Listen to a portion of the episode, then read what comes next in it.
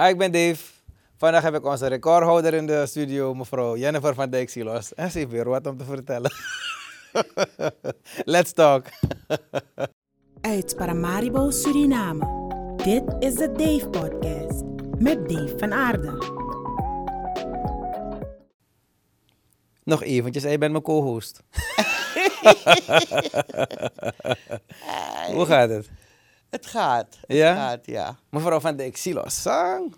U bent nu officieel de recordhouder binnen de podcast. Is niet waar, is niet waar. Ik zie sommige mensen vaak. hè. Ja, nee, nee, nee. Maar u weet, zodra er wat is, kunt u altijd binnenkomen. Eh, ik heb wat gezien. Eh, passion voor Suriname, passie voor Suriname. Passie voor Suriname, ja. Je hebt het Het woord. is een maatschappelijke beweging die opgericht is met als doel. Ik ga het eerst zo zeggen, om het bewustzijnsniveau te verhogen van het volk van Suriname, zodat ze doorhebben wat er nu gaande is. En wat is er nu gaande? een compleet falend beleid met alle nare gevolgen. Men moet weten dat elk, elk gevolg, alles wat we meemaken, heeft een oorzaak. De oorzaak kan ver in het verleden liggen, maar de oorzaak kan ook nu liggen. En eh, waarom is het nodig dat men dit he- doorheeft? Men heeft het niet echt door. Daarom is men stil. En wat mij is opgevallen, is dat eh intellectuele kader, eh, het hogere middenkader, stil blijft. Je hoort een paar intellectuelen. En in mijn geval begon ik me een soort Don Quixote te voelen. Je weet toch, in je eentje zit je maar te vechten en het is lekker alsof je tegen de bierkaaien aanvecht. Niemand. Mensen luisteren natuurlijk. Maar degene van wie je wil dat ze naar je moeten luisteren, die luisteren niet. En je bent in je eentje, dus je hebt ook geen impact eh, met je meningen. Dus zo begonnen we erover. Wie is Roos en Franklin Hikmat Mahawat Kanwara in de appgroepen zijn. Zo is het begonnen. Zei ik, Hikmat, jij zegt zoveel, jij schrijft zoveel. Roos en veel minder. Maar ze is ook een vrouw die eh er problemen mee heeft met de situatie. Alleen is ze geen Jennifer die daar vooruit komt. En toen zei ik, maar weet je, we kunnen nog duizend keren schrijven en gillen in interviews. Maar wat is de impact? En eh, we moeten iets bedenken dat wel impact heeft. Eh, wat is dat? Iets was zeker geen politieke partij, nog niet voor ons drieën. Oh, dus, dus jullie hebben, dat, dat wat jullie hebben opgericht is een sociaal-maatschappelijke partij of zoiets. Nee, ook niet. Wat is het precies? Het is een maatschappelijke beweging. Het moet een beweging worden. En we hebben het zo gezegd, we moeten hard ons best doen. We moeten intellectuele triggeren in die eerste fase. Deskundigheid op alle gebieden hebben. Omdat gewoon alles failliet is. Eh, we hebben pijlers geformuleerd waarop die beweging gaat rusten. Eh, we moeten een leiderschapsvisie ontwikkelen, maatschappijvisie, ontwikkelingsvisie. Althans, die dingen bestaan er, zijn beschreven. Maar we moeten aan de hand van deze drie pijlers, sporen, hoe je ze wil noemen, aantonen hoe het beleid faalt.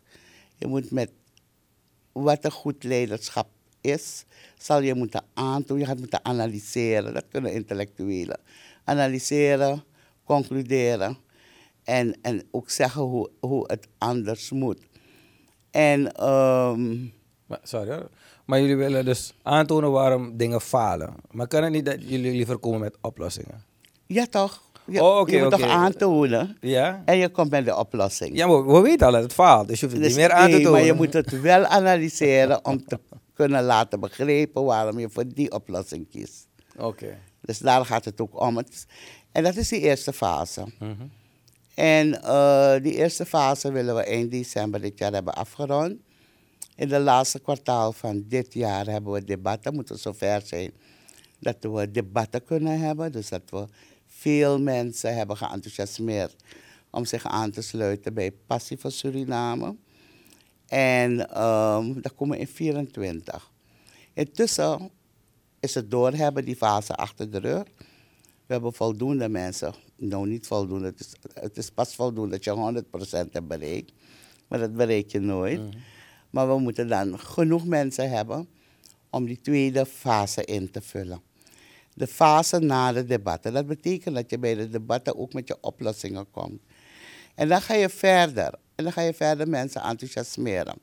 Dan zijn we in 24. Dan gaan we vooral zwaar zitten op politiek leiderschap. Want politieke partijen maken zich op om in 25 naar de verkiezingen te gaan. Dat betekent dat je weer een andere mindshift of inzicht moet zien te creëren bij het kiezersvolk. Dat men heel bewust gaat kiezen voor een partij en niet tegen een partij. Dat hebben we gezien wat het resultaat is van negatieve stemkeus. Slim stem was niets anders dan een negatieve stemkeus. En het resultaat is helder. Al de mensen die slim stem hebben gepropageerd, waren velen niet hun staan. Want wie moest slim gaan stemmen? De andere etnische groepen moesten slim gaan stemmen. En dat is ze gelukt. Het is een succes geworden. Maar het debakkel is ook groot. Omdat het een negatieve keuze is en dus negatieve effecten zal hebben. Wanneer je een positieve keus maakt, kan het niet anders zijn dan positieve effecten. De energie die dan de ether in is gegaan, is positief. Nou, om de mensen bewust te maken dat ze positief moeten stemmen, dat ze moeten letten op welke leider ze gaan stemmen, moet je het veel hebben over leiderschap. Hoe moet het leiderschap eruit zien, integer enzovoorts. Die rijtjes zijn allemaal te vinden. Sorry, maar je wil, je wil integer leiderschap, maar de helft van ze heeft een strafblad. Ja, klopt. Dus je gaat alles moeten, soort rare dingen. Dus, hoe wat ga je dan een we- partij wat- Dus wat moeten we doen? Dat betekent dat de juristen werk hebben. Ja, maar wat ik probeer te zeggen is, stel je hebt partij A, B, C, D. Ja, En alleen bij D is er geen ex-crimineel of weet ik veel erin. ja. Of iemand met een, een, een, een loesje verleden. Of een dossier, ja. Ja, soms hoef je geen strafblad te hebben, maar iedereen wil die persoon van kleine kinderen houdt of weet ik veel. Dus ik bedoel, er zijn Ja. genoeg van die gasten ertussen. Maar dat zijn grote partijen. Daar, daar vouw ik aan. Want ik bedoel, jullie gaan geen impact hebben op de samenstelling van de partijen zelf. Dus van binnen. Nee, van binnenuit. Dus, Dus, eigenlijk ga je iedereen moeten sturen naar een kleinere partij bij wijze van. nee, maar kijk, nee, we sturen niemand. Binnen die partijen moet er een revolte plaatsvinden. Denk En, dat dat da- gaat en gebeuren? daarom gaan we ons richten, nee. Daarom richten we ons tot het kiezersvolk. En daarom hopen we dat heel veel van partijleden Ja. meekijken, meeluisteren en uiteindelijk accepteren eh, onze analyses. En dat ze ook uiteindelijk overtuigd zijn dat ze voor ander leiderschap moeten kiezen. Ander leiderschap betekent niet nieuwe partij. Ander leiderschap betekent simpel, een andere voorzitter. Maar zo simpel gaat het toch niet? Ik bedoel, Nee, want nee. eh, als je kijkt alleen maar naar bepaalde... eh, een voorzitter in Suriname is bijna God. realistisch moet je rekenen Ja, op salonrevolutie. Salonrevolutie. Als er wat moet gebeuren. Als er wat moet gebeuren. En, we- en laten we het vanuit het positieve gaan. Ja, ja, Is, sowieso. u- is utopia, toch? Wat, Ja, ik, wat ik nu ga zeggen is utopia, wat ik nu ga zeggen. Waarom is het utopia? Het beste zou zijn als partijvoorzitters het inzicht ook ontwikkelen hoe aannationaal ze al die jaren geweest zijn. En dat ze uit zichzelf nu gaan begrijpen dat je dit volk niet langer voor de gek moet houden. Maar denk je oprecht dat men gaat in de politiek vanwege een nationalistisch gevoel of voor eigen gewin om gewoon rijk te Op worden? dit moment is het voor eigen gewin. Ik Dat denk niet alleen dit moment, want als ik kijk naar de afgelopen tijd is... eh, Er was toch wel meer nationalistisch gevoel hoor. Vind je? Kijk, ik vind dat er vroeger kruimels gestolen werden. En nu wordt alles gestolen. Vroeger kruimelde men mee. hè. Het was Vroeger had je geen social media. Maar er zijn, er zijn vroeger ook superrijken nee, ontstaan van maar vroeger is het volk niet zo openlijk. Ook al, was ook al zou je geen social media hebben. Er waren kranten, er was de radio. Dan gaat het trager, maar het komt naar buiten. En eh, vroeger had je ook Pinari, maar niet dat er geroofd werd op deze manier. Je hebt roven en diefstallen in gradaties. En het, elke, iedere keer is het een graadje erger geworden. Is het niet dat het dit keer gewoon minder te stelen is waardoor het eerder opvalt? Sorry, minder wat. Dat die pot was minder groot dit keer. Waardoor, als wanneer men nu stil... Geloof jij de president dat die pot minder groot was? Nee, ik vraag het. Nee, ik geloof ik niks van wat die man, wat die man zegt. Ik weet niet of er minder te besteden valt, want vanaf dag één hebben ze alles kunnen doen wat ze wilden doen. Want wanneer we zo praten, dan krijg ik bijna een herhaling van de geschiedenis van eh, het bewind waarvan jij zelf ook eh, deel uitnam. Oké, toen, toen niet. Als maar minister. Als minister, ja. Want ik weet dat er op een gegeven moment worden, worden leeggeroofd en boefdraad en ja, maar zus en kijk, zo. dat doet social media, toch? Dus het is precies hetzelfde wat ik nou eigenlijk, Ja. zelfde tijdgeest doe. die war, die war, en dat hebben politieke partijen weer gedaan. We hebben het ook gezien wat Trump ermee gedaan heeft in Amerika. Mm. Het is gewoon een instrument van politieke partijen geworden. Om die reden kunnen ze social media wat mij betreft afschaffen. Want het wordt misbruikt door politieke partijen om je politieke tegenstanders op een meedogenloze, oneigenlijke wijze kapot te maken. En, en dat, daarmee is de democratie niet gediend en het volk niet gediend. En die war zetten ze mensen aan. Ja. En, en, en dus de hele politieke strijd. En daarom zie je dat politieke partijen heel gevoelig zijn over wat op social media gebeurt. En mensen als jij en ik zijn zwaar ongevoeliger voor. Ja. Omdat we weten dat er, eh, het gewoon een, een manier is om je, om je, ja, je, je, je, je, je, je woede of je frustratie uit te drukken.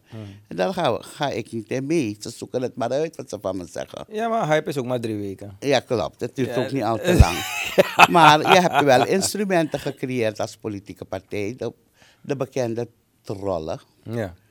Er zijn trollen, dus eh, je weet niet meer wie wie is. Kan naar Dave kijken, maar Dave kan een troll zijn. Ja. Begrijp je? en eh, wat je dan krijgt is een groot wantrouwen naar elkaar in de samenleving. Dus het is allemaal verloederd. En dat moet allemaal eh, veranderen. Wat ik, wat ik persoonlijk heel erg vind, maar dat is meer mijn deskundig gebied, is dat de wetten zo vertrapt worden. De grondwet wordt vertrapt, eh, wetten worden vertrapt, procedures worden vertrapt die wettelijk geregeld zijn. Door, door de leiding. Door de leiding van het land. Mhm. En eh, wat is het voorbeeld? Burgers, toch? Burgers zien dat. Wat kan je dan verwachten wat er gaat gebeuren? Anarchie enzovoort. En wanneer er anarchie komt, dan wil je A-team en RBT op onschuldige mensen zetten, ongewapende mensen zetten. Want zogenaamd ga je nu je macht laten gelden. We zijn in een machtsland, staat beland. Ik denk even erg als begin 80 hoor. Maar- op alles komt RBT, A-team en leger op je af. Maar even. Als ex-minister van Justitie, weet je of, waarom kan het niet dat wanneer een president of een, een bepaalde persoon van de regering iets doet, dat de politie die criminelen moet oppakken, uit zichzelf ziet van deze mannen zijn crimineel bezig, waarom kunnen ze hun niet oppakken? Waarom, wat maakt het zo belachelijk moeilijk? Want iedereen ziet het, dat er wordt gestolen en alles. En toch wanneer diezelfde dief zegt, ga die persoon arresteren, dan werkt de politie voor hun. is toch een kronkel in ons systeem? Maar het komt ook, kijk, ehm, Want de scheiding van machten moet er toch zijn? eh, de politie hoort bij de uitvoerende macht. De politie hoort bij de uitvoerende Ja, maar de politie hoort zich wel te houden aan de wetten. Klopt, moet zich houden aan de wetten en moet zich houden eh, eh, aan het feit dat er een strafbaar feit gepleegd moet zijn voordat je kan optreden en opsporen. Ja, maar ze zien toch wat voor strafbare feiten worden En ze gepleegd? hebben toch niets gedaan? Ze doen toch niets? En hoe komt het? Ja, Dat hoe komt het? zeggen dat het politie gaat toch wakker worden van, hey, ik ga deze man nou arresteren, Nee, maar want dat hij vertrapt de, de als, regels. het, als de politie onderdeel is van die institutionele corruptie die geconstateerd is. Niet alleen door het NRA-rapport, maar ook door de CFATF. Dat de corruptie institutioneel is, betekent het simpelweg, en dat is dat gedeelte dat mij het meeste interesseert natuurlijk als, Ja. als jurist, eh, betekent simpelweg dat je het korps moet evalueren, filteren, schoonmaken.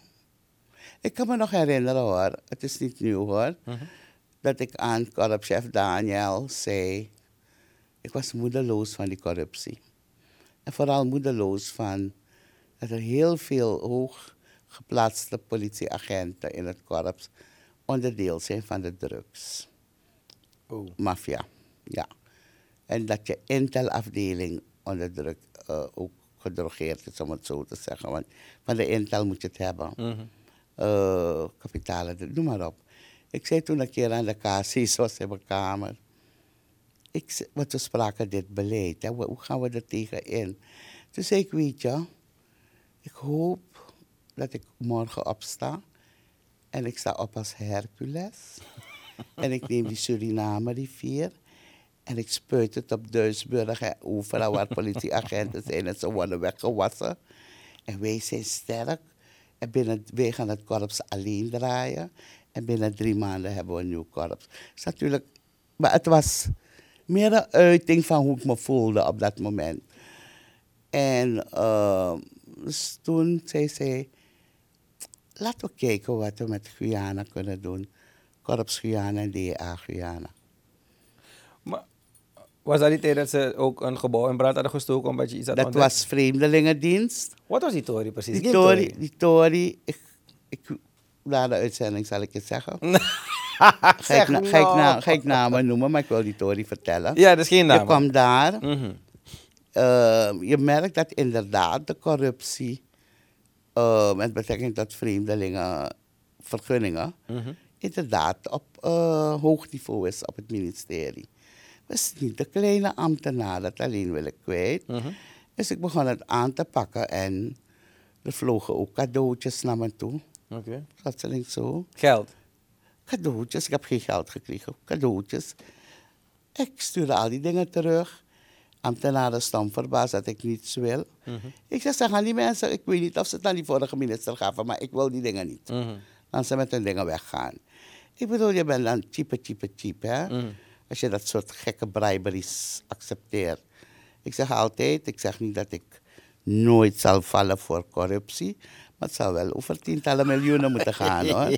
US dollars wel Iedereen heeft een prijs. Iedereen heeft zijn prijs en die van mij is heel hoog.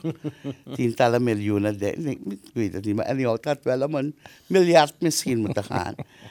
En ehm, dan ontdek je het. Dan ga je praten. Dan ga- krijg je het systeem door. Wie er allemaal bij zitten, wie het kofferen. Mhm. Dus toen begon ik daaraan te werken. Ik ga geen namen noemen, die werd ontheven, dat werd ontheven. En ik kwam zo dichterbij. En ik pakte die afdeling aan. Mhm. Ik had daarvoor educaties om het te doen. En toen vloog het in brand. Ze hebben het gebouw gewoon in brand gestoken. hè? Gewoon in brand gestoken op een dag dat de hele afdeling met verlof was. Toevallig was iedereen en met dat verlof. heeft, laat PZ toe, hè. Oh, goed toe. PZ is politie. Personeelszaken. Aha, aha. Dus die dag had iedereen verlof ineens. Ja. Dus men wist van tevoren dat het gebouw in wist van tevoren, men heeft ook ontdekt dat het in brand is gestoken. Er was een prop gezet achter een, een plank Mhm. in een verkasting nog. Mhm. En dat rook sterk naar benzine was aangestoken. Maar ik heb gehoord, nadat het brandmeester was, is het weer in brand gevlogen. Want het is twee keer in brand gegaan die dag, heb ik begrepen. S'avonds was het weer in lichte laaien. Ik, het is s'avonds begonnen. Op de volgende dag. Ja, het is twee keer in was- brand gezet, was- het gebouw. Toen het in brand was, Mhm. pas, was het middag. Toen ben ik er naartoe gegaan. Ik weet niet of het twee keer is geweest. Wist je meteen van, ah, dit is met opzet? Ja, ik wist het. Kijk, ik was zo bezig en er zouden zware koppen vallen. Oké, dan wil ik het daarover even hebben. Maar waarom heb je ervoor gekozen om nooit... Want toen was je minister van Justitie, dus jij bent de baas. Ja, Waarom heb je toen niet gekozen ervoor om namen te noemen? Ik kan geen namen noemen als ik geen bewijzen heb. Als, kijk, als Jennifer kan ik namen noemen. En het Ah. enige wat ik riskeer is een civiele vordering. En ik moet zeggen, sorry, ik had het niet zo bedoeld. Maar als minister kan je het niet maken. En zeker niet als je weet dat zware politieke bonzen erbij betrokken zijn. Wat deed het bij, bij jou van binnen dan? Want je weet dat het... Bedoel, Daarom minacht ik bepaalde politici. Ik kijk naar ze en ik denk, dat mijn kop of koffie en ik laat het ook eigenlijk merken. Dat ik liever niet met je praat. Ik zeg niets, maar ik wil niet met je praten. Ook maar goed terecht. Maar vond je het niet noodzakelijk om het naar buiten te brengen, die informatie? Kijk, het is naar de PG gegaan. Kijk, als minister... Ik probeer het systeem te begrijpen. Van Nee, waarom, nee. waarom komen dingen niet je naar buiten? Je hebt een bepaalde plicht ook als minister. En je moet je ook gedragen als een minister. Mhm. Je kan je niet gedragen als een soort van Sosobotosma. Ja. toch zoals ik nu ben. Ik kan doen misani. Ik heb te maken. Ja. If ik go naar school toe of zo heb te maken, ik kom weer vrij. Maar als minister betekent het wel dat je de regering op dat moment vertegenwoordigt, dat je naar buiten treedt. En je bent het gezicht van die regering ook. En ik kan het als minister, vind ik, en geen enkele minister, ehm, kan het zich permitteren wanneer je verdenkingen hebt Ja, ja. Om namen te noemen. Maar ik had die naam genoemd als het OM willing was om het onderzoek diepgaand te doen. Die willing is, was er niet.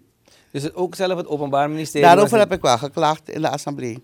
Dus zelf het Openbaar Ministerie was niet bereid om. Ik vond dat, laat me me zo uitdrukken. Oh, Oké. Laat me me zo uitdrukken. Was, was er een dat. moment dat je vreesde voor je leven dan? Er was een moment dat ik vreesde voor mijn leven. En dat was in 2016, dus een jaar later. Toen ik met mijn cocaïnebestrijd kwam. Strijd kwam. Gimtori, Gimtori. Waarom vreesde je voor je leven? We gaan zo weer terug naar passie voor Suriname.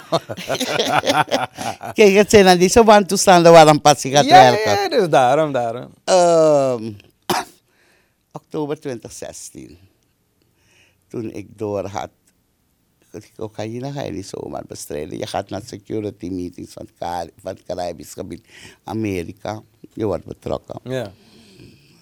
je hebt hier ook je informatie vanuit de politie.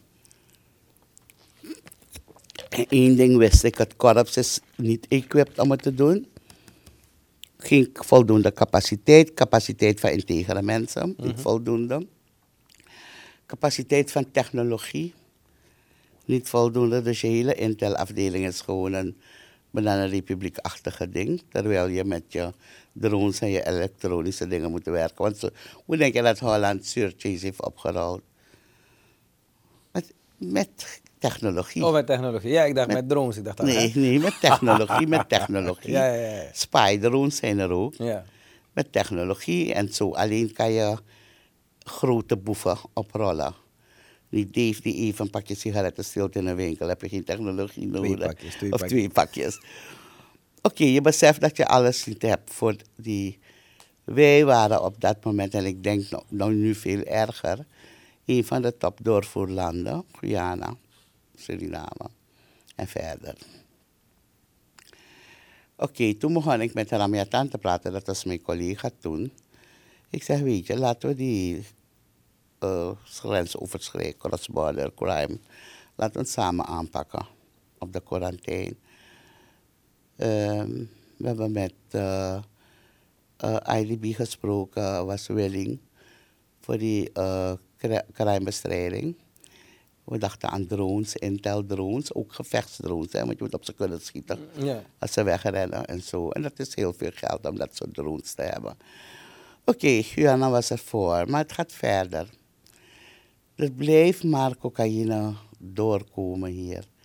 Een deel blijft hangen, een deel komt door, het blijft maar. Je kan het niet pakken omdat je de intel van je KPS niet echt kan vertrouwen. En als je intel hebt en je stuurt je mannen, is het ook al bekend dat ze komen en je pakt niemand. Toen bracht iemand me op het idee van, volgens mij was het de korpschef en iemand die me op dat, bij een verband met cocaïnebestrijding adviseerde, adviseerde op dat moment. Probeer te werken, praat met die Amerikaanse ambassade, kijk of die A kan komen. Die IE. DEE. ja. Ja. Mhm. Ja. Dat was toen ambassadeur Nolan. Ik vraag of hij bij me kan komen. Hij is gekomen en ik leg hem uit. Hij zegt, hij weet niet of Washington het goed gaat keuren, want we hebben DA, DE, DIA, DA. Hebben we slecht behandeld, hebben ze eruit gezet in de tijd. Ik zeg, oh. Ik zeg, maar ik zit met een cocaïneprobleem. En eh, waarmee kan je me dan verder helpen? Met, zo wist ik al dat DA in Guyana was. De Dus grootste DE-office is in Guyana. ja, klopt. Dus Ja. ik wist dat dat er was. Dus ik dacht, ik moet hem een beetje... Ik moet het hem niet zeggen. Mhm. En toen zei hij, er is een possibility, zegt hij tegen me. Ik zeg, ja.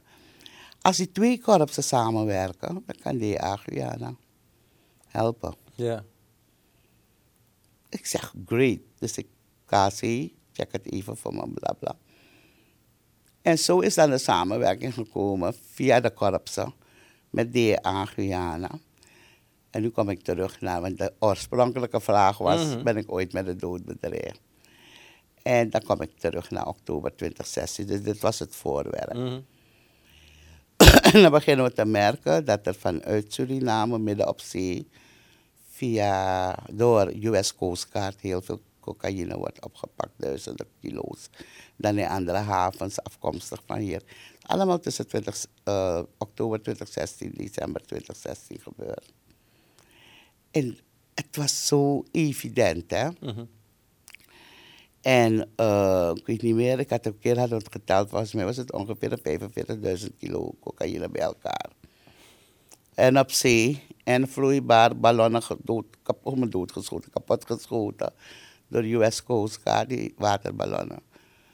En eh, kijk, als je dat doet, snij je in belangen van mensen. Mhm. Of het nou drugsdealers zijn of niet.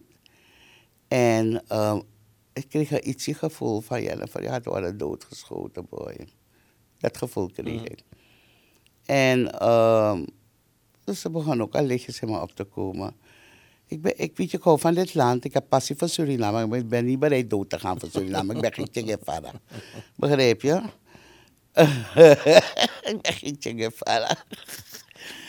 En uh, of de KC komt bij me, minister, ik weet dat u niet van al te veel veiligheid houdt. Zo best.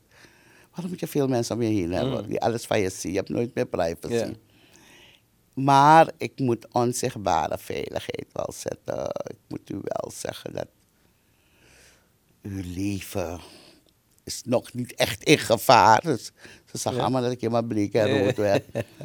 Maar we moeten ervoor zorgen dat er niets met u gebeurt. Ze hadden al signalen gekregen. En de commandant van u is er ook al van op de hoogte. Oké, dat heeft volgens mij drie of vier maanden geduurd. Of misschien totdat ik ben weggejaagd, ik weet het niet. Dat was maart 2017 dat ik werd bedankt. Maar dat was wel een moment waarop ik dacht, ik wil niet doodgaan om dit land. Zo ver gaat mijn liefde niet. Ja. Weet je? En toen kwam het ook het idee van, zorg dat die projecten er zijn Ja. Van IDB, UNICEF, UNDP. En ehm, tegen juni, juli moet je klaar zijn, dan kan je weggaan. Die periode dat je in de politiek was, vind je het een, dat het een toegevoegde waarde heeft gehad? Laat me dit ervan zeggen, dat ik in de politiek was, was bij de NPS. Hè? Daar zat ik in de politieke partij. Je was bij de NPS. Mhm. Hoe ben je erbij gehaald bij de NDP toen dan? Dat ik echt, echt in politieke partij heb gezeten, is bij de Nationale Partij Suriname. Oké, dus nu, maar dus nu dat, dat je bepaalde dingen hebt gezien, dat is dus eigenlijk de reden geweest waarom je nu dus passie voor Suriname hebt. Ja, ik, kijk, Want je ik heb gezien wat in de NPS... Kijk, ik, ben, ik zat in de adviesraad van de NPS. Ik was ondervoorzitter, zo hoog. Nee, maar broer, je hebt genoeg gezien nu om te weten waar de schoen allemaal zijn- Ja, en hoe ze zijn. Kijk, als je in de politiek gaat, zoals ik in de NPS ben gegaan, dan ga je eigenlijk zien dat je ongeschikt bent voor de politiek. ik kan niet heugelen, je moet goed kunnen heugelen. Ja. Ik ben niet opportunistisch en je moet opportunistisch zijn. Ik ben niet gemeen en je moet gemeen zijn. Dus er zijn geen rationales Mhm. van waaruit men, werk, men werkt en je de ruimte geeft. En als ze weten dat de voorzitter aan je denkt, dan word je doodgemaakt in die partij.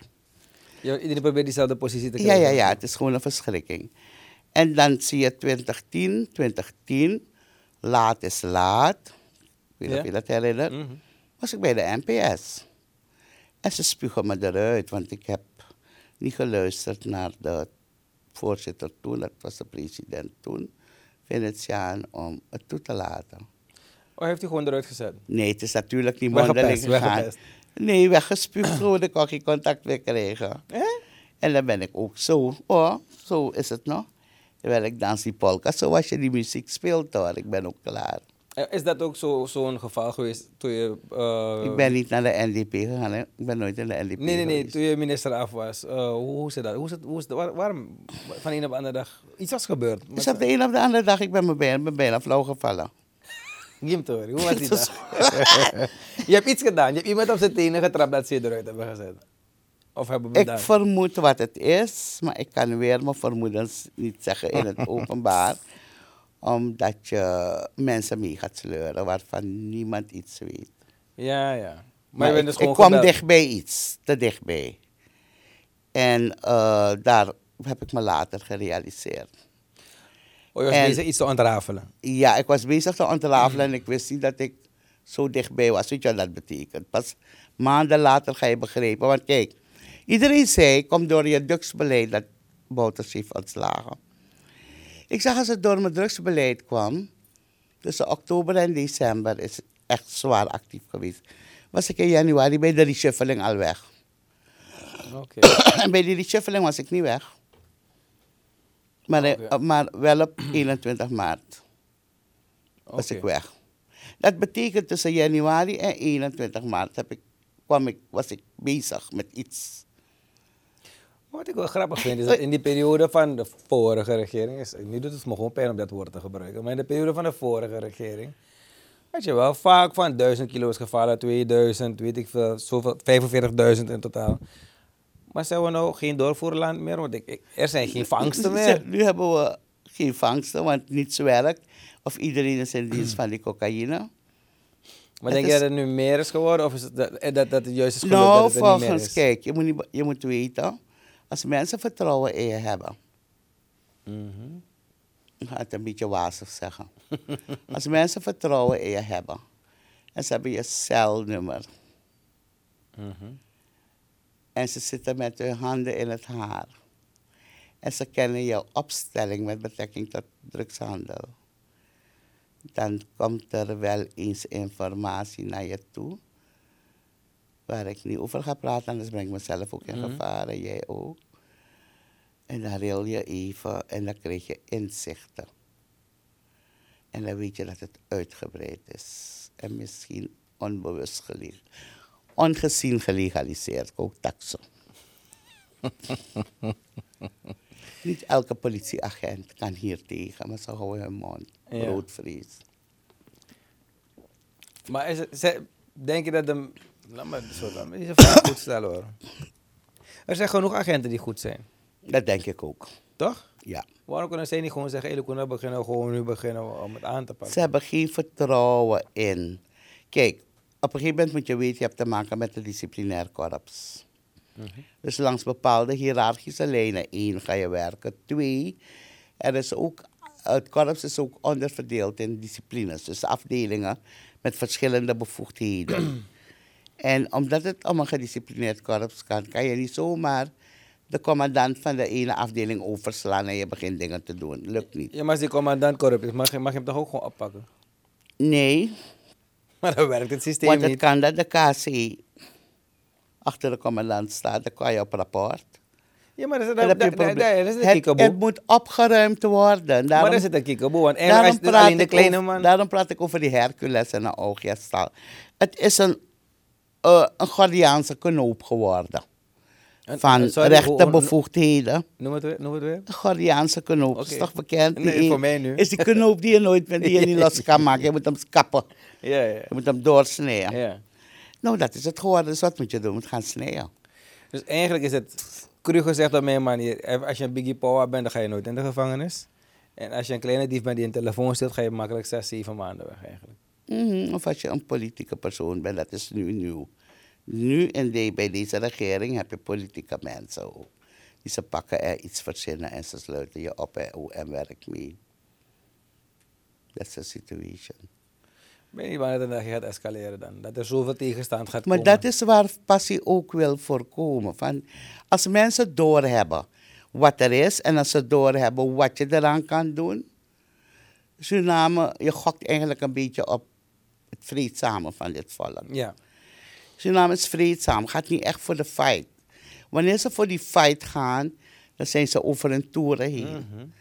En je moet voorkomen, want dat brandje wat we 17 hebben gezien, dat is nu onder de grond. Hè?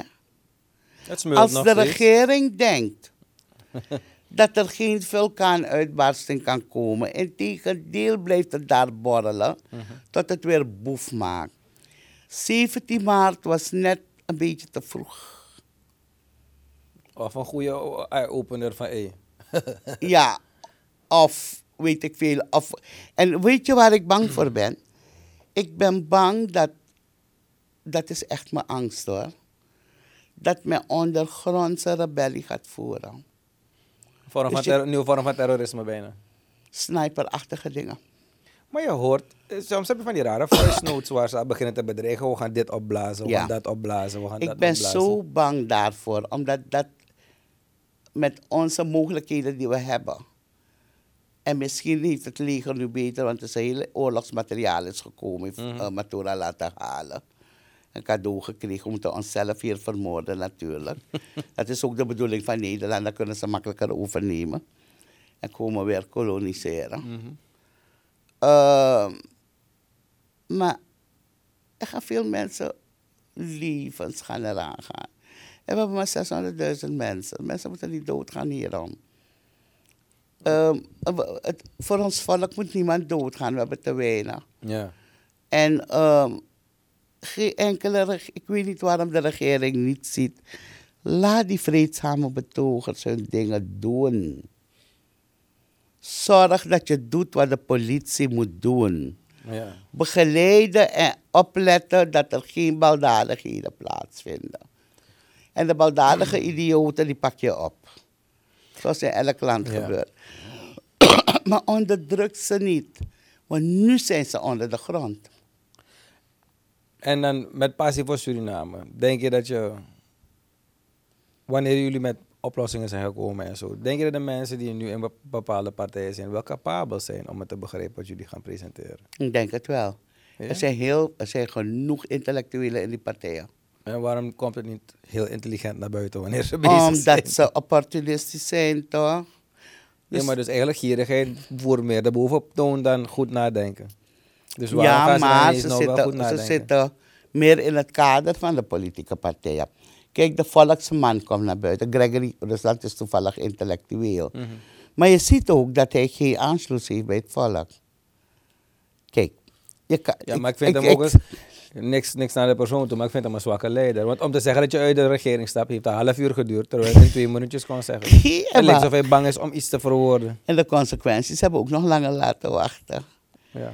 En je merkt het nog steeds niet dat ze eruit zijn.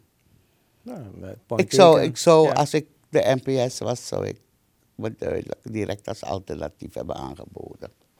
De NPS had een mooie kans gemaakt. Maar nu denk ik van, zijn ze er nog? Zijn lang, ze er ja, niet? klopt. Ze Zijn blijven, ze blijven te lang stil. Ja, maar ik denk, ja, is mijn mening, maar ze moeten gewoon een andere, is ook mijn een mening. andere leiding. Dus daarover, dat zal ik niet zeggen. Dan bemoei ik me met interne aangelegenheden. Je En bent niet bij van de pa- partij. En bij PAS is iedereen welkom. Dus Ja.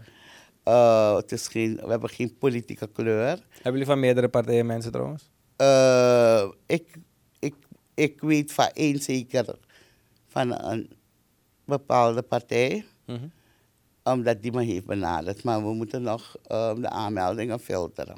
Hebben jullie veel aanmeldingen gehad trouwens? Ik begrijp van die ICT-mensen toch wel verrassend veel en verrassend goede reacties op Facebook. Mhm. Dus, eh, maar de, maar de, die van de website moeten gefilterd worden. Want we hebben vier categorieën hè, waarvoor je kan aanmelden. Voor de coalitie van willing persons en organisaties. Vrienden van passie. Deskundigen van passie. Supporters van passie. Wat is het verschil tussen supporters en vrienden? Supporters zijn zij die echt gaan werken, vrijwilligerswerk gaan doen. Onze website beheren, onze website invullen, Facebook voor ons controleren, beheren, dat soort jobs. Misschien ook een secretaris als het veel wordt. Moet je een dedicated person voor de mails hebben bijvoorbeeld. En eh, dat zijn de supporters. Ehm, de vrienden zijn de mensen die meekomen in de beweging, maar zich niet zodanig willen committeren dat ze gaan produceren. En wat is bij ons productie? Analyses maken, artikelen schrijven, interviews. Zoals nu ben ik aan het produceren, maar wat te noemen. Oké. En eh, bij vrienden is het vrijwilligerswerk niet zo gecommitteerd als wanneer je in die coalitie komt. Die coalitie samen met de kopgroep is het fundament. daar wordt het beleid gemaakt. Daar gaan we zien. Je evalueert de situatie. Hé, hey, we moeten nu gaan schrijven, ik zeg maar wat over energie. Er moeten artikelen komen. En dan moet je kunnen terugvallen op je vrienden. Dus daarom hoop je ook dat je alle deskundigheid binnenkrijgt. van alle sectoren. Zo niet gaan we ze moeten aanzoeken. Want je hebt ook deskundigen die onzichtbaar blijven. En jullie hebben een groep deskundigen, dat zei ook, ja. Dat is in de coalitie, willen we deskundigen. Die zich willen committeren om artikelen te schrijven. Dus eigenlijk gaan jullie het, het pad van een beetje Amnesty International, dus schrijven, schrijven, het gaat meer om schrijven, papier. Ja, omdat je bezig bent met het volk. Je bent bezig, kijk. Maar leest het volk als- wel? Dus kijk, je hebt natuurlijk allerlei methodes. Hè? Mhm. Ze gaan natuurlijk geen Starnieuws lezen en de waarheid, maar ze luisteren naar Limbo. Ze lezen Facebook, daarom is Facebook noodzakelijk. Mhm. Ehm, we hebben Instagram ook iets meer voor jongeren en zo. Dat hebben we ook. Ehm, en we hebben onze website. En dat is een beetje meer dat professionele overding. En ehm, TikTok hebben we ook hoor. Dus je gaat TikTokjes van ons Dus je zien. gaat dansen? Je gaat TikTokjes langs zien gaan van ons. maar het gaat erom, hoe ga je ze bereiken? Dus dat, dat is daar. Want schrijven is mooi. En, Ja, en- maar je bereikt ze niet. want in Suriname hebben we ook iets van, als iemand, wanneer iemand een titel heeft of functie, dan praten ze met zulke dure woorden. Ja, dat dan kom je niet door. Je komt niet door, je moet eenvoudig praten. Als ik bijvoorbeeld een TikTok-filmpje moet maken, moet, moet heel anders zijn dan wanneer ik mijn artikel in... Niet die toon die ik voor Star News neerpen. Ja, ja, ja. Weet je, eigenlijk- eigenlijk bij jou. Ik praat gewoon hier. Ja, We praten omdat we voor het volk praten. Je wil je boodschap overbrengen via mij, toch? juist. En eh, dan moet je eenvoudig zijn in je taalgebruik. Welkundig, maar eenvoudig. Ja, ja, en ik hou ook niet van dure woorden. Nee, maar je moet het volk bereiken. Ja, ja. En het enthousiasme, de mensen die me kennen en die me gecontact hebben, ik ben zeer verrast. Oké. Ja. Maar dus, dus- dus jullie gaan niet in de politiek. Het is niet de Nee. bedoeling dat jullie power gaan krijgen dus, of Nee, aanzien nee, en dan toch aan, alsnog gaan- een bocht maken. Nee, absoluut niet. En ehm, ik vond het heel jammer dat ik er al van werd beschuldigd op social media. Oh. Dat ik de politiek inga en dat ik een verlengstuk ben van de NDP. nou, dat vond ik zo'n domme opmerking van een stel VHP'ers. Dat ik dacht, vallen jullie dood hoor. Als je naar je voorzitter kijkt, ben je al dood. Dus ga door dood. Dat ik heb, maar het, dat is su. Dat bedoel ik. Dat is Ja, maar zodra je, zodra je nou eigenlijk tegenspreekt, ben je direct aanhanger of, of Ja, satelliet van een andere. alleen van anti en pro, toch? Wat Ja, ik ja, ja, ja. Want daartegen gaan we ook vechten. En trouwens, je was de laatste keer dat je hier was, had je het gehad over de kieswet. En ik heb gezien dat er een groepje is geweest eh, die het had ingediend. Je, je voorstel. Oh ja, dat, dat was die groep van Maartje, no? Getrouw. Ik weet, ik, ik ben, juist. Die Maar, maar gay heet ze, Mm. volgens mij. Ehm, hoe is het daarmee? Ik ben tussen 11 uur uitgenodigd om te participeren in die academische week. Afgelopen dinsdag. Oké. Om dat model van mij te presenteren. Ehm, later begreep ik door een interview met de voorzitter. Op YouTube hoorde ik waarom ik was uitgenodigd toen. Het was omdat de protesteerders het hadden aangeboden. Dus toen was ik daar. Maar ehm, ik ben nu weer in een andere fase met dat ding. Er zal een artikel komen erover. Ehm, je, als je gaat presenteren, dan oriënteer je even wat heeft de commissie Limapo precies gedaan. Mhm. Wat heeft de deskundige commissie precies gedaan? En wat is er met jouw ding? Ik heb geen rapport geschreven, omdat het bij mij alleen maar erom ging om de wereld te tonen dat de president een beetje raar doet om te vinden dat hij een gewichtige commissie nodig heeft. Ik heb het in mijn eentje gedaan. Mhm. Niet perfect en daarom heb ik direct gezegd, het is maar een model.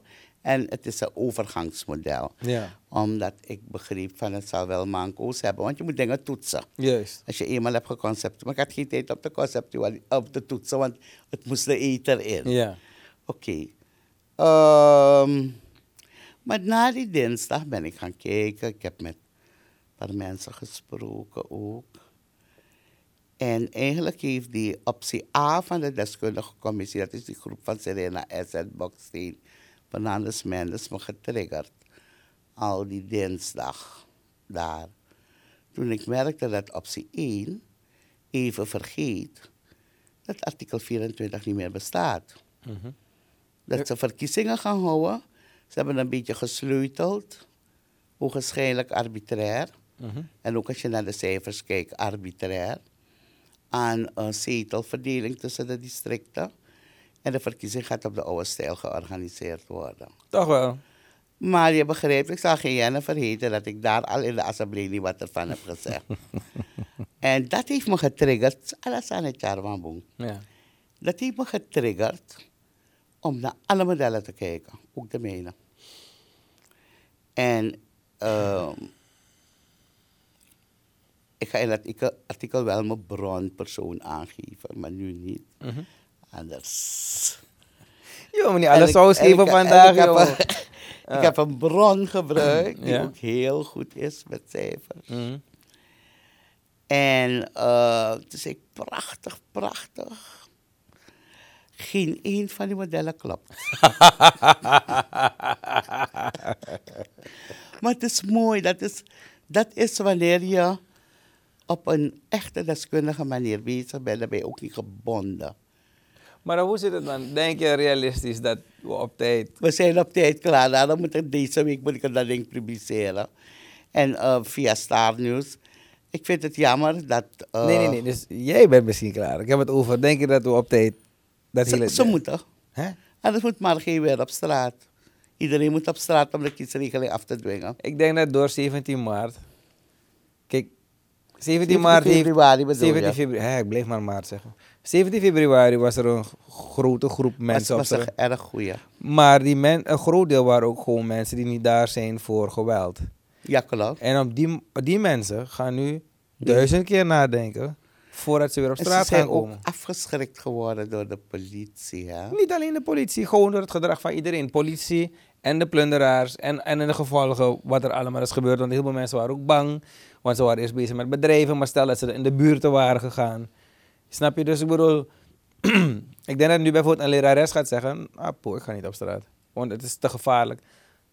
Want voor die persoon is het ook gevaarlijk. En ook als Ja. de politie op je schiet en zo. Dus ik bedoel, ik denk dat nu echt, echt moeilijk gaat zijn om een grote massa op straat te krijgen. Maar dan krijg je dat ondergrond verhaal van me. Precies. Want die emotie is er. Dat- en de dat- dat, eh, uitlaatklep moet er zijn. ja. Dus wat je gaat krijgen, ik hoop het echt hoor, ik hoop het niet. Mhm. Je kunt niet erover praten. maar ik denk dat we realistisch moeten zijn. Wanneer emoties zo onderdrukt worden. En aan de andere kant heb je iemand die dat lontje aansteekt. Steeds iedere keer, het gaat uit, maar dat iedere keer werd aangestoken. En de persoon die de negatieve emotie veroorzaakt, zet ook iedere keer weer een schepje negativiteit erop. Dan krijg je BAM! En daarvoor ben ik bang.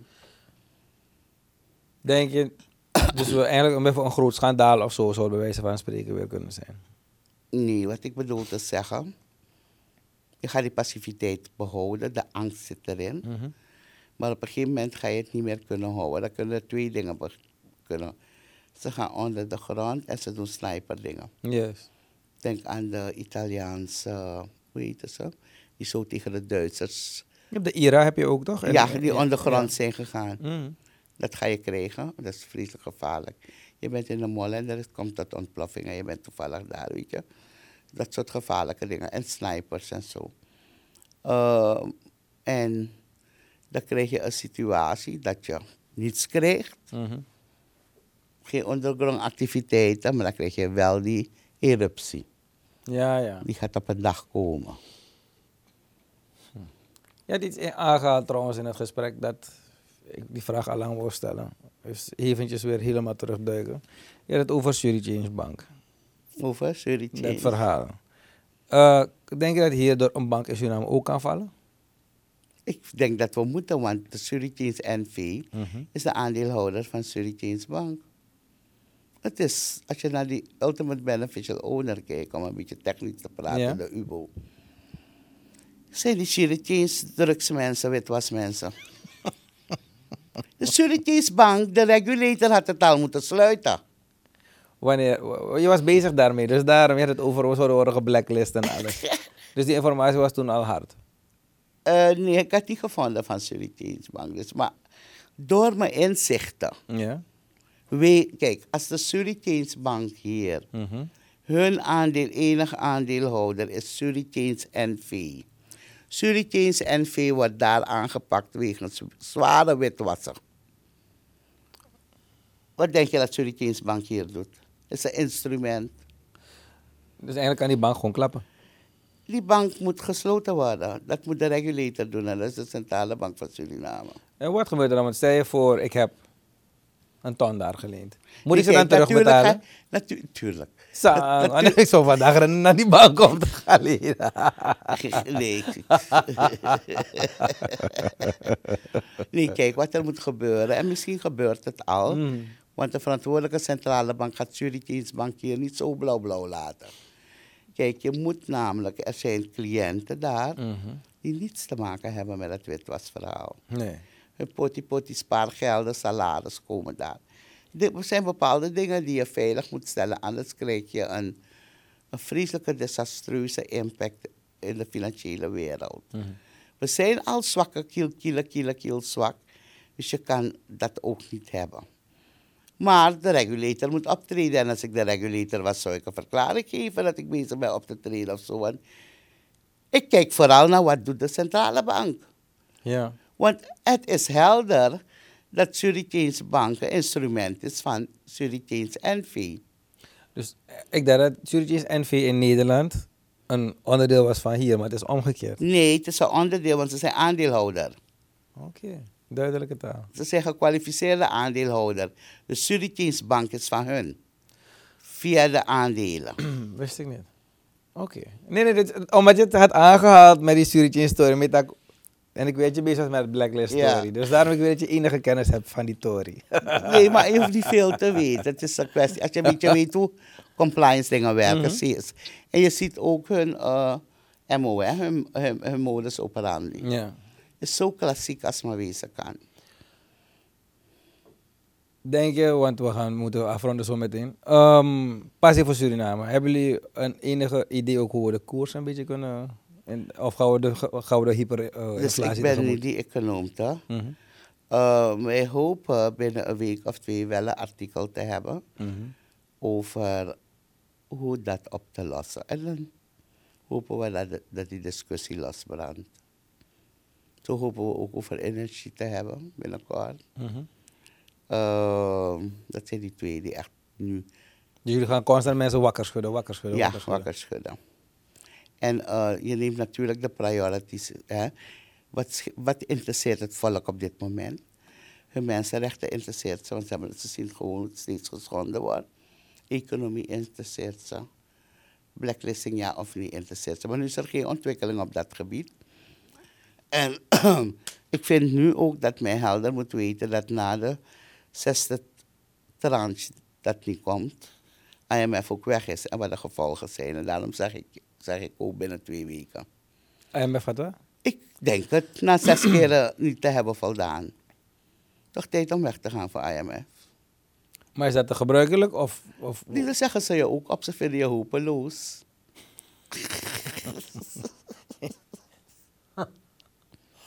Hi boy. En misschien komt het door Karel Ekhorst dat ze nog hangen. Mm. Dat hij echt ple- nog pleit voor ons, hè. Oké, oké. Als Sur- Sanamboy.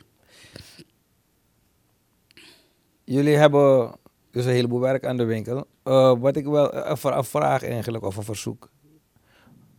Kan je die mensen ook uitleggen dat we zogenaamd schulden hebben overgenomen, maar we moeten inleveren, maar die schulden worden nog steeds niet afgelost, waardoor het voor de volgende, niet voor de vorige, maar weer voor de volgende Weer regering de wordt volgende. geschoven. Ja. Kunnen jullie daar dan ook een beetje aandacht besteden? Ja. Want mensen hebben veel niet door, want we Wat denken er nu moeten, gebeurt, hè. ja, we moeten zoveel inleveren aan subsidies en dit en dat, maar niks wordt betaald. En weet je wat gemeen is? Zogenaamd onder het mom van IMF. wil. Precies. Wat ook weer niet waar is. En dan zie je dus dat om boodschappen te gaan doen, even een weekje of zo. Eh, of, twee, of een half uurtje in het VU, in VU Vrij, Vrije Universiteitsziekenhuis. Mm. Eh, wat is zoveel geld? Natuurlijk is de president. Hij, hij, hij is nu eenmaal een dure persoon als hij op reis gaat. Maar je kan prioriteiten stellen. Als je niet ziek bent, wat ga je onderzoeken? Ik denk dat dat iets anders speelde. Ja. En dat hij de cortesie van zijn presidentschap heeft gehad. Waardoor we niets hebben gemerkt. En na zijn presidentschap gaan we het merken. Nee, ik praat nou abracadabra. Mhm. En zo gaan we sluiten. En ik roep- en ik- roep er ieder op om ons te steunen en onze passie voor Suriname.